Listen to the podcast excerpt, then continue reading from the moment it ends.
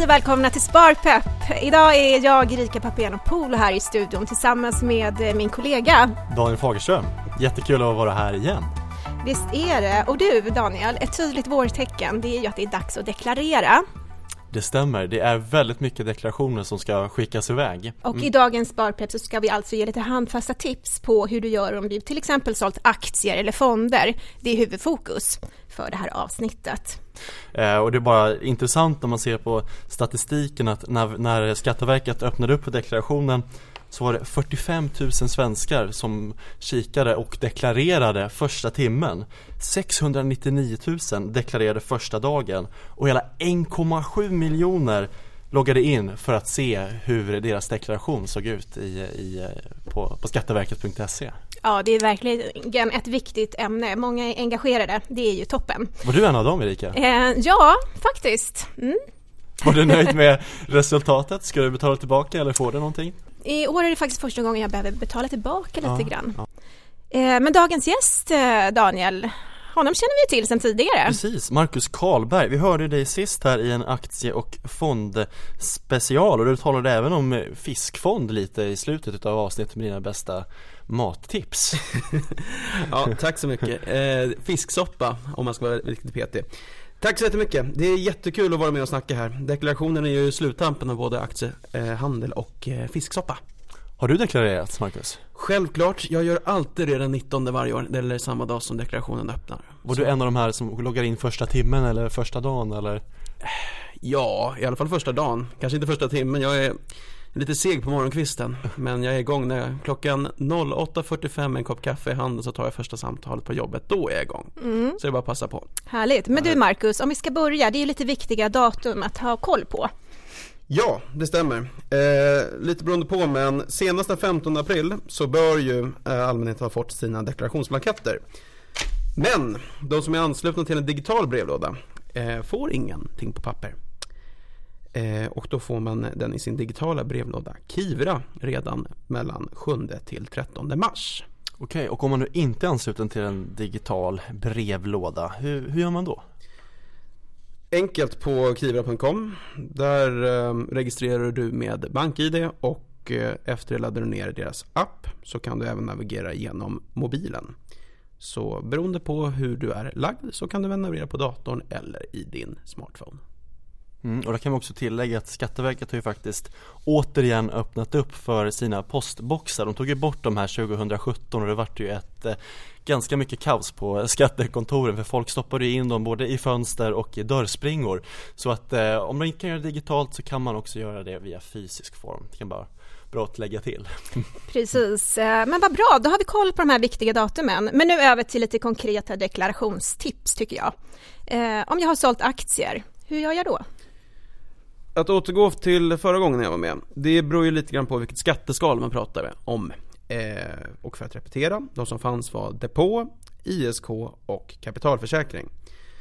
Kapitalförsäkring syns inte i deklarationen eh, och ISK syns men kräver ingen manuell hantering.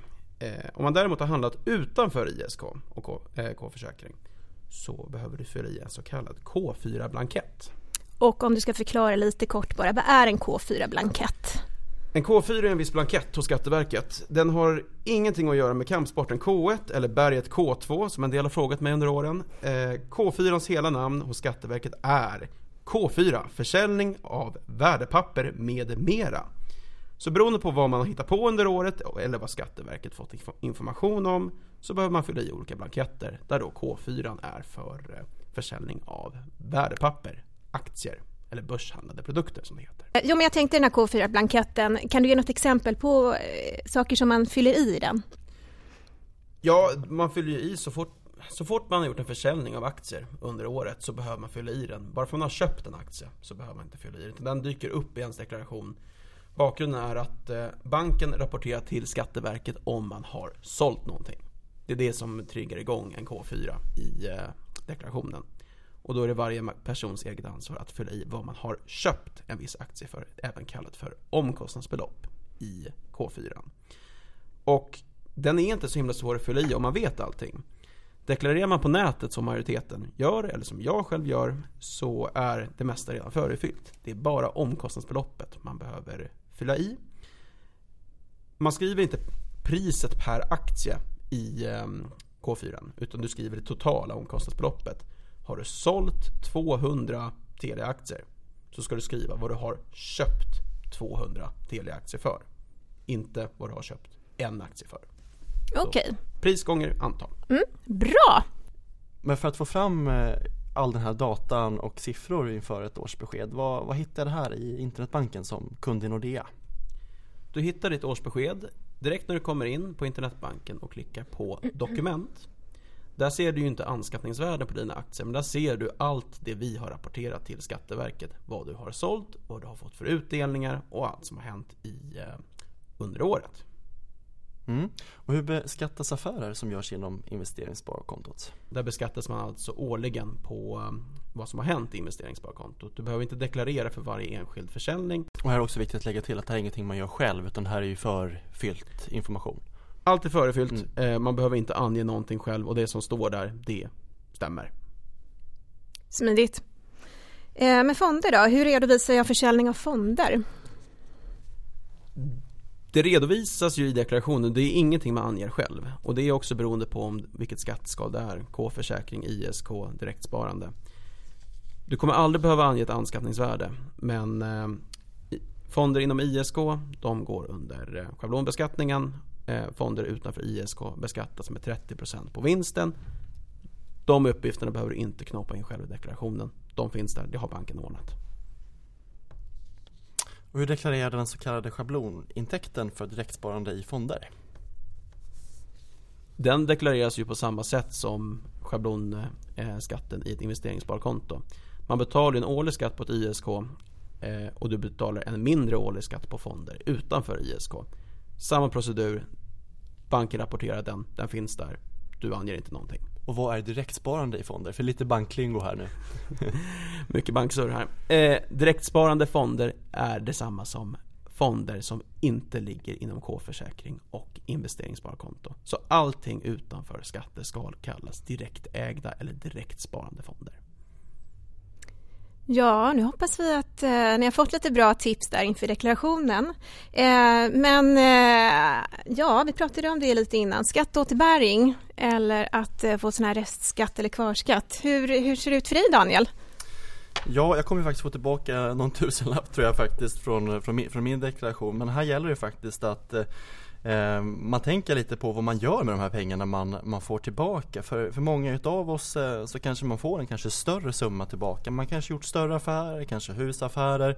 Så mm. ta en liten funderare här att eh, hur, ska du, hur ska du göra med skatteåterbäringen i år? Och det finns ju lite olika möjligheter som du faktiskt kan, Precis. kan ehm, ja, tänka på. Ja, exakt. Vi kan ju bara förtydliga det då att om man får skatteåterbäring det är ju för att man har betalat in för mycket skatt helt enkelt. Mm. Så att det är inte alla som, som får Nej, precis, tillbaka. Precis, och jag tänker bara skatteåterbäringen, man kan ju faktiskt ta en funderare på att om man alltid får tillbaka en större summa varje år, så att det här kanske är bättre att du får tillbaka för att öka din egen, din, e, din egen månatliga eh, ruljans bland, bland, bland ditt sparande, ditt eget kapital, att kanske få tillbaka lite mer varje månad istället för att få tillbaka allting i slutet utav Exakt, ja, som en klumpsumma. Ja, ja, precis. precis. Så ta en liten funderare där om du kanske ska jämka lite. Så det kan vara ett bra tips. Mm. Men Tre tips hur man kan tänka kring sin skatteåterbäring. Nummer ett ska jag nog säga att se till att du får kontroll över dina privata krediter, alltså privatlån. Vi pratade lite om det inför 2019 års vårt kickstart-avsnitt. Exakt, att, se över eh, krediter och... Exakt, mm. så att behandla din kreditkaries, för den här kan faktiskt bita kvar. För det kan vara så att du har ganska dyra lån på kanske 19-20% ränta Visst, du får tillbaka 30% på skatten på nästa års deklaration, men det är ganska onödiga mm. pengar. Mm. Så betala av den, eller minska i alla fall kariesbiten på, på, på, din, på din egen hygien skulle jag säga. Och har du redan gjort det här, se till att du får en buffert. Eh, för vi vet ju att våren kommer eh, och efter vår så kan det bli, eh, ja det kommer komma regniga dagar också och då precis. gäller det att, att stå stadigt Mycket utgifter, mm. Mm, precis Har du en buffert Erika? Absolut har jag en buffert, eh, självklart. Det, man vill ju kunna sova gott om natten, absolut. Mm. absolut. Har du det Daniel? Jag har faktiskt byggt, börjat bygga upp en, en buffert för att man vet ju faktiskt inte vad som kan ske framöver. Förändras som är osäkert. Du då Marcus, har du någon buffert? Ja, självklart. Eh, instämmer helt med strategin. Jag har väl som mål att min buffert alltid ska vara intakt. vill säga att om någonting oförutsett kommer och jag tar från den, då ska pengarna tillbaka. Eh, min strategi är väl att buffern ska vara intakt och allt som överstiger det, det har jag lite kul för på olika sätt. Och kul kan ju innebära då att vara smart. Min strategi för året är ju att nu när jag får skatteåterbäringen, jag har inga större planerade utgifter, jag har ju precis flyttat, köpt in allt jag behöver. Eh, och jag har haft som strategi tidigare år att eh, pumpa in min skatteåterbäring i mitt privata pensionssparande. I och med att skatteåterbäringen som kommer är ingenting som påverkar mitt liv. För att min ekonomi den snurrar ju på som vanligt. Mm. Så då kan man lika gärna någonting smart av de pengarna. Mm. För då kan man ha lite nytta av de pengarna i framtiden. Så säg om 40 år så kanske jag sitter där i, vad vet jag, Amalfikusten eller i skidbacken i Colorado. För att jag har pumpat in mina skattepengar eller skatteåterbäring till privat pensionssparande. Precis, och det leder faktiskt in till mitt tredje sista tips, nämligen investera i dig själv och njuta av din avkastning. För att kanske har du redan gjort det här att du har behandlat din kreditkaries, eh, du har din buffert säkrad men då ska du börja investera i dig själv och börja spara Självklart. undan eh, mm. lite pengar. Mm. Eh, vi har exempelvis Nora, det är en väldigt smidig lösning att få en, en investering ganska snabbt i, på, ja, i bruk. Ska mm. jag säga. Våran sparrobot ja, precis. här i Nordea. Precis. precis. Har du provat den Erika? Yes, den har jag sparat ja. i. Och är det som så att du behöver lite extra hjälp så vi har ju faktiskt rådgivare också i banken som man kan ta kontakt med och de är väldigt, väldigt duktiga och kan hjälpa dig både på ett fysiskt kontor eller om du vill göra det här mm. vid ett online-möte, var och när, när det passar dig. Mm. För det gäller ju att se över helheten i sitt sparande. Det har jag pratat många gånger om, träning och, och balansen. Mm. Det är mm. jätteviktigt mm. eh, att ha kontroll över det här. Och nu om man får lite extra pengar, ja det blir ändå som en klumpsumma, mm. så eh, ska man göra någonting vettigt av dem. Ja, jättebra tips. Bra, mm. verkligen. Ett annat tips kring deklarationen, eh, det är ju väldigt mycket bluffmail som går ut just nu från Skatteverket. Det vill säga, det står att det är från Skatteverket men de är inte avsändaren. För, Vad innehåller de då? Vad är det för mejl? Ja, det kan ju stå att eh, exempelvis eh, du har fått ett röstmeddelande från ditt lokala skattekontor. Eh, klicka här eller logga in med mobilt bank-id. Och eh, det här är ett jätteproblem, speciellt när vi är så digitala, vi svenskar.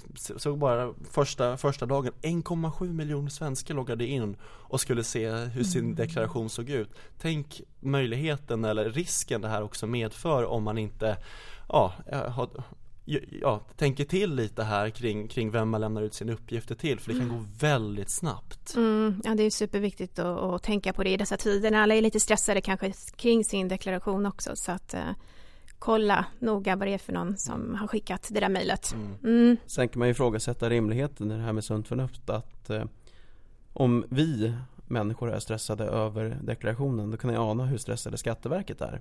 Hur under högtryck, eller vilket högtryck de är.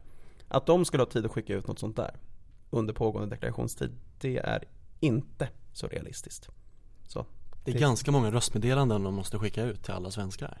Ja, de, de, är nog upptagna med, de är nog upptagna med att svara på alla som ringer till dem. Precis. Eh, och de som inte kommer fram till dem ringer ju då till mig istället. Så vi får ju lasta av den kön delvis också. Mm. Men nej, det är inte så rimligt att Skatteverket under pågående deklarationstid skulle skicka ut mejl. Det har de inte tid för. Nej, precis. Nej, men det sunda förnuftet, det kan man ha nytta av i olika sammanhang. Så att, eh, ja, ska vi ta och runda av dagens avsnitt? Det kan vi göra, absolut. Eh, har du någonting mer som du skulle vilja sammanfatta kring dagens avsnitt, Marcus? Hur gör man nu då? Eh, kan man eh, logga in på Skatteverkets hemsida eller hur?